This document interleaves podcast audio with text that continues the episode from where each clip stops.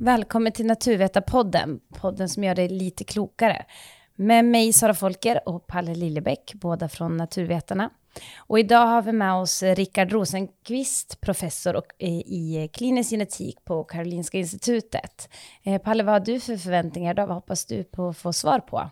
Ja, men jag är ju verkligen nyfiken här nu på den här precisionsmedicinen och genanalyserna som man gör om man verkligen kan förutse till exempel olika cancerformer och även att man kan få den här skräddarsydda behandlingen som man pratar om.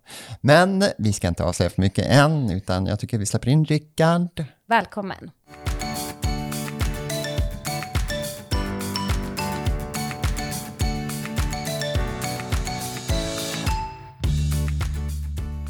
Kan det bli så i framtiden, om vi inte redan är där, att man på samma sätt som man tar ett blodprov idag, att man tar en genanalys när man kommer i kontakt med sjukvården?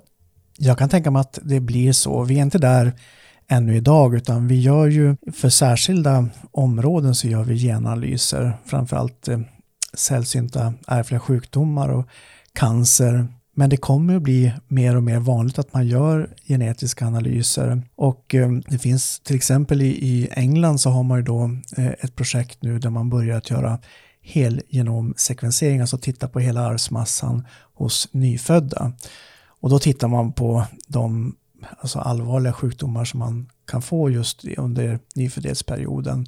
Men de ska testa och se om, om det är en möjlig väg framåt. Vi gör ju i Sverige det här PKU-testet för att testa för 25 allvarliga sjukdomar.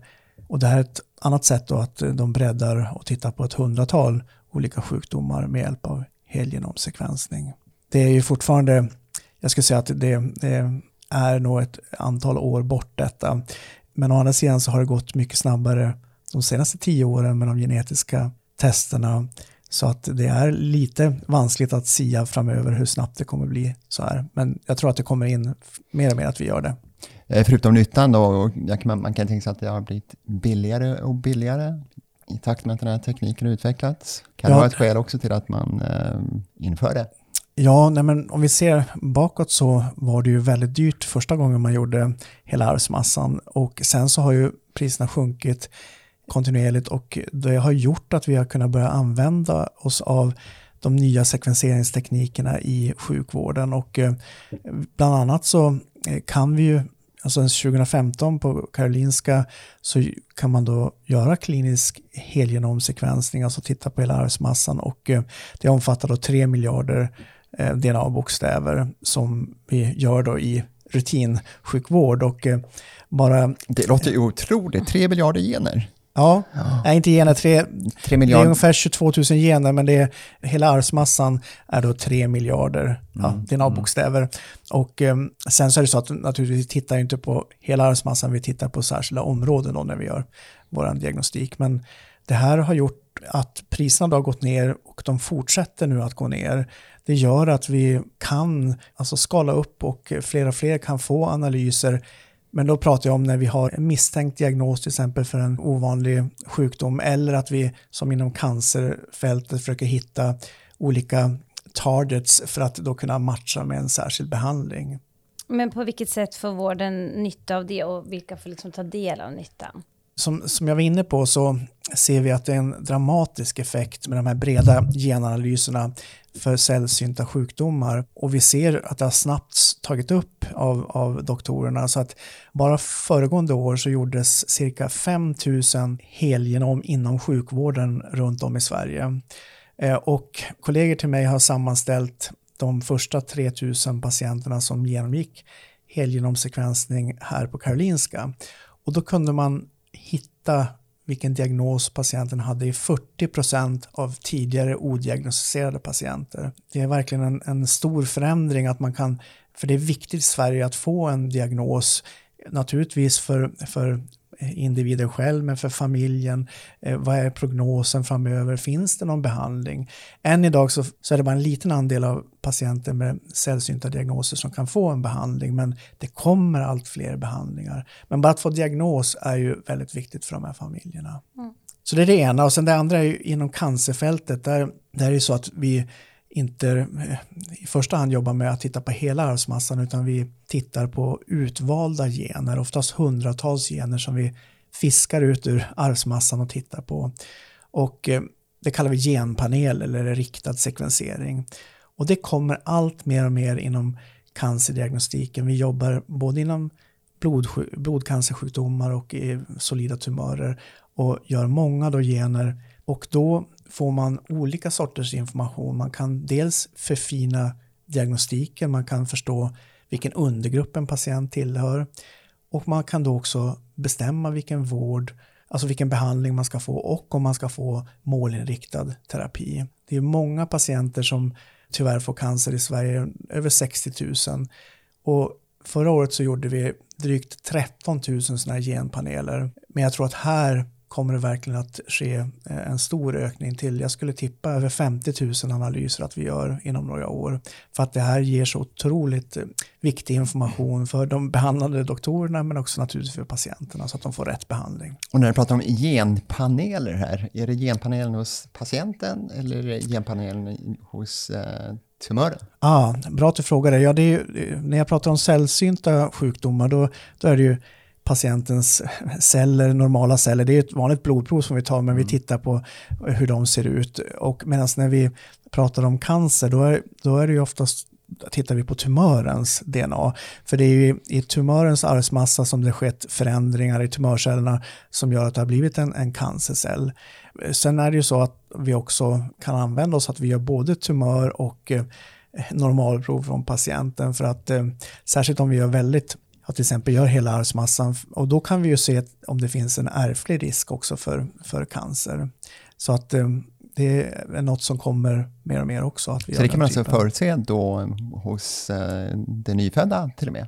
Om det skulle kunna finnas, inte bara de ärftliga sjukdomarna, utan även om man är predestinerade för att få cancer? Ja, alltså eh, det skulle man, vi, har, vi känner ju till ett stort antal gener idag, arvsanlag som är kopplade till ärftlig cancer och jag har bland annat mottagning för den patientgruppen där jag träffar familjer där man, har, där man misstänker att det finns en ärftlig cancer. Och då kan man säga att många av de här ärftliga cancertyperna kommer i vuxen ålder. Så att eh, så som vi gör nu idag, så att har man hittat en ärftlig form där man vet att det, det är inte, man ärver ju inte en cancer utan man ärver en gen som är förändrad som ger ökad risk för cancer. Och eh, då gör vi inte sån testning förrän man är myndig så att man själv ska få ta ett eget beslut. Så att eh, idag skulle vi inte eh, använda oss av den informationen från, eftersom det här kommer senare mm. i livet. Det är ju oftast till exempel vid ärftlig bröstcancer så man får det tidigare än vanlig bröstcancer men från 30-40 ja, års åldern. Och det innebär att man kan sätta in behandling då tidigare och kanske till och med lite skräddarsydd sådär? Ja, men det som vi gör idag det är att de då familjer där vi har hittat att det finns en ärftlig, låt oss säga ärftlig bröstcancer, då kan vi testa de individer som inte har utvecklat cancer för att se, bär de på det här arvsanlaget, det här förändrade arvsanlaget? Och gör de det, då får de särskilda kontrollprogram. Och då får de eh, flera olika sorters Eh, undersökning av brösten, alltså olika, eh, alltså mammografi, MR av bröst och så vidare. Och sen får de en rad andra undersökningar. De kan också, det finns möjlighet också till profylaktiska operationer, att de då eh, tar bort bröstvävnaderna och bygger upp nya bröst. Och det är ju olika sätt att upptäcka tidigt att man får bröstcancer, eller just som när man gör de här profylaktiska operationerna, då minskar man ju risken väldigt eftersom man tar bort bröstvävnaden, det här kan utvecklas. När man väl upptäcker en bröstcancer behandlas man på samma sätt som de som inte har en ärftlig form. Eh, men om vi säger, att, vi säger att man bär på en gen för till exempel bröstcancer, då, att man är en ärftlig bröstcancer. Det behöver alltså inte betyda att så här, ja, men då kommer du få bröstcancer, men det är bara det att risken är större att du kommer få det? Eller? Ja, eh, när man har då till exempel mutationer i bröstcancer 1 eller bröstcancer 2, då vet man att man har en kraftigt förhöjd risk och den ligger på någonstans 50-80% mm. livstidsrisk att drabbas av detta. Och då kan man ju vända på det och säga att det är då 20-50% eh, eh, chans att man klarar sig. Så det är inte så att det är 100% risk att man drabbas av de här cancerformerna. Men sen så är det ju så att vi vet vet också att just för de mutationer i de här generna kan ge andra cancerformer, till exempel då äggstockscancer. Så det kan vara så att förutom att få bröstkontroller eh, så kan man behöva andra typer av kontroller också. Eh, och eh, hos oss är det så att vi, vi, vi hjälper dem med, med, att få de här kontrollerna så att man får regelbundna kontroller, blir kallad på det så att, så att det ska flyta på så mm. normalt som möjligt i livet. Och känner man sen att man vill göra profylaktiska operationer då hjälper vi till att ja, diskutera det först och sen då kan, vad heter det, att de får kontakt med experter som jobbar med det. Mm. Kan de här genetiska analyserna kan de ge svar på andra cancerformer också? Jag tänker till exempel på prostata. Man kan säga att, återigen får man skilja på det här med genetiska förändringar i, i tumören och eh, sådana som är ärftliga som finns då i, i normala cellerna hos, hos eh, personer det kommer allt mer genetiska analyser vid prostatacancer eh, och, eh, och vid många andra cancerformer. Just nu så har det varit mycket blodcancer, lungcancer och så tjocktarmscancer, malignt melanom, men det kommer komma i många områden, bröstcancer som vi nämnde och eh, ja, i flertalet ska jag säga. Så att det är därför jag tror att vi kommer göra ganska många sådana här analyser i de närmaste åren. Och sen är det också så att om man ska göra de här eh, breda genanalyserna så har man, om man gör det på väldigt många så kan man upptäcka en, det finns, har man upptäckt, det kallas tumöragnostiska läkemedel som man kan ge åt en, oftast en liten grupp av alla patienter i en, eh, i en särskild, låt säga lungcancer. men det finns också i andra cancerformer. Men det är bara kanske några procent av, av individer som har. Men om man verkligen ska hitta alla de som potentiellt kan svara bra på en behandling, då måste man göra nästan alla som har cancer för att hitta de här. Eh, och jag tror att vi kommer gå i den riktningen därför att de personerna även om de är eh, ett fåtal i varje diagnosgrupp så tillsammans så blir de ändå en ett relativt stor grupp som ändå vi vet kommer att ha väldigt god effekt av den typen av behandling. Då. Och det här är väl extremt efterfrågat då bland eh, patientgrupper och anhörighetsgrupper och sådana? Alltså vi, vi, har ju en väldigt god eh, kontakt med patientorganisationer och diskuterar mycket, eh, för vi tycker det är jätteviktigt att vi, ska, att vi jobbar tillsammans och vi vet också att de vill gärna vara med redan från början i, när man, av design, av studier och eh, att, man ha, att man har en dialog, att de får också bli utbildade i precisionsmedicin. Så vi har haft olika workshops och seminarier tillsammans att både patienter och närstående ska få mer information och så de vet vad de ska fråga efter för eh, jag menar, genpanel och så vidare. Men det är klart att de ser också potentialen att eh, genom att man kan göra de här nya analyserna så kan det öppnas möjlighet både till behandling och vara med i studier. Och, eh, så, att, så det här är ju naturligtvis viktigt för dem och de vill ju att det här ska redan har funnits eh, länge, alltså att det skulle vara helt implementerat eh, överallt i landet. Eh, men det är det vi försöker göra nu, att, att verkligen få det här så att alla ska få tillgång till de här. Och, och vi gör det successivt, men som sagt, jag tror att det kommer gå ganska snabbt att vi, att vi får till detta. Det är viktigt framöver att vi verkligen att vi jobbar tillsammans med, med patientorganisationerna.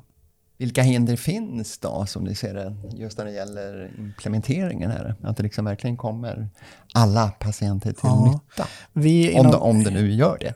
Alltså vi har ju jobbat inom Genomic Medicine Sweden att vi eh, har sju stycken centra på varje universitetssjukhus och de ska då serva de andra regionerna som ligger omkring som inte har universitetssjukhus för att man ska kunna ändå eh, nå ut till alla i hela befolkningen.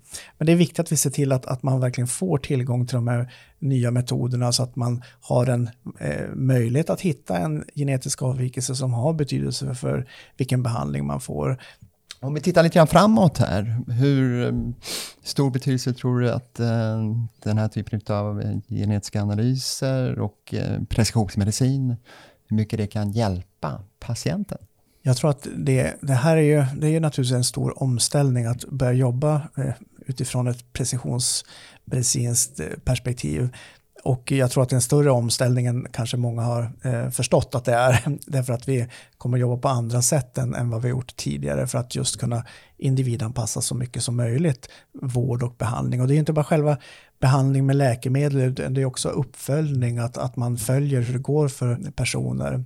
Och det kommer vara viktigt till exempel att få in patientrapporterade data i våra system också för att verkligen kunna skräddarsy ja, vård och behandling för den enskilde individen precisionsmedicin har, är här för att stanna. Det är ju naturligtvis ett modeord och det är en liten fara att, att eh, precisionsmedicin, alltså det kan ju omfatta allt egentligen vad sjukvården är. Då kan man säga att det här är en modernisering av, av sjukvården, men det kommer ha stor betydelse att vi kan ge, alltså förfina diagnostiken, ge rätt behandling och genom att ge rätt behandling så får vi mindre biverkningar och större effekt med de behandlingar vi ger och därför så, så kommer det här ha mycket positiva effekter i samhället. Att vi, att vi också kan spara pengar, inte i början när vi håller på att bygga upp allting, men så småningom när man då som sagt ger rätt behandling, att det blir färre biverkningar, färre inläggningar på grund av biverkningar och så vidare. Så även om behandlingarna är dyra med precisionsläkemedel så är det ändå så att de är de effektfulla för rätt patient så får man ju tillbaka dem i, i det vanliga livet, arbetslivet och, och så vidare. Så, så man kan se det som en samhällsvinst i alla fall samhällsvinst, på sikt, ja, absolut. även om det kostar just nu förstås i den här uppbyggnadsfasen. Det är så, det är en, det är en kostnad i uppbyggnadsfasen men sen så kommer det här att vara väldigt viktigt för, för patienter och sjukvården att vi jobbar på det här sättet. Mm, mm. Kan man redan idag märka av det, det här om man kommer in som patient, cancerpatient? Just, ja, eh, Ja, man, det, är, idag så, som sagt, vi använder ju, som jag sa, vi har ju över 13 000 Nej, Här får vi inte upprepning, men det, det, får, det får bli, ja. för det är, det är komplext. Nej, men vi, det, det, är många som får genpaneler idag och som, eh, som vi använder och där vi, eh, för att just ge eh, riktad behandling och uppföljning. Så att det, det det är, vi, är redan där. det är redan där och ja. vad det, vi patienter får precisionsläkemedel idag. Men vi måste skala upp så att det blir jämlikt över landet mm. så att alla mm. får tillgång till det. Mm.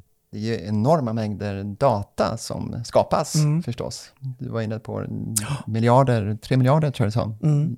Inte, inte gener utan... Eh, DNA-bokstäver. Precis, DNA-bokstäver. Ja. De fyra.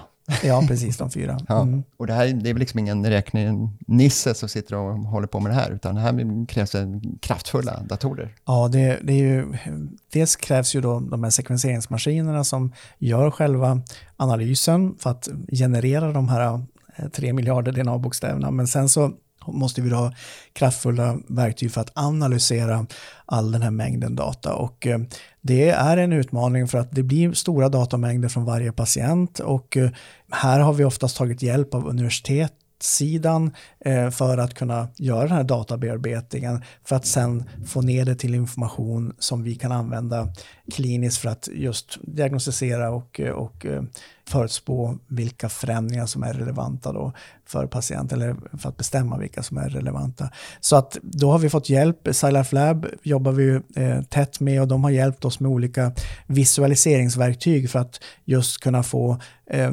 mer, ner datamängden så att, så att vi kan använda den i diagnostiken. Därför att, eh, men det krävs många steg då för att komma till den slutliga listan på eh, till exempel om man har en misstänkt ärftlig sjukdom så kanske man får ett antal varianter så måste man gå igenom dem och se, är det här, hur stor sannolikhet är det att det är den här som är den rätta eller den här och så vidare. Och det kräver mycket både kunskap och manuellt jobb, så även om man har hjälp av kraftfulla datorer så i slutändan så är det personer som bedömer vilka som är de viktiga och som, som är kliniskt relevanta. Vad kan man få hjälp av AI då? Är det det det handlar om? Det kommer att bli, jag tror att AI kommer att gå hand i hand med precisionsmedicin för att eh, ju mer analyser vi gör, för det är inte bara genetik utan det finns ju många andra lager av information, alltså man kan titta på ja, transkriptomet, proteomet och så vidare. Man kan göra bildanalys och det här måste vi ju hitta smarta lösningar att, att eh, sammanfoga all den här informationen plus den kliniska informationen,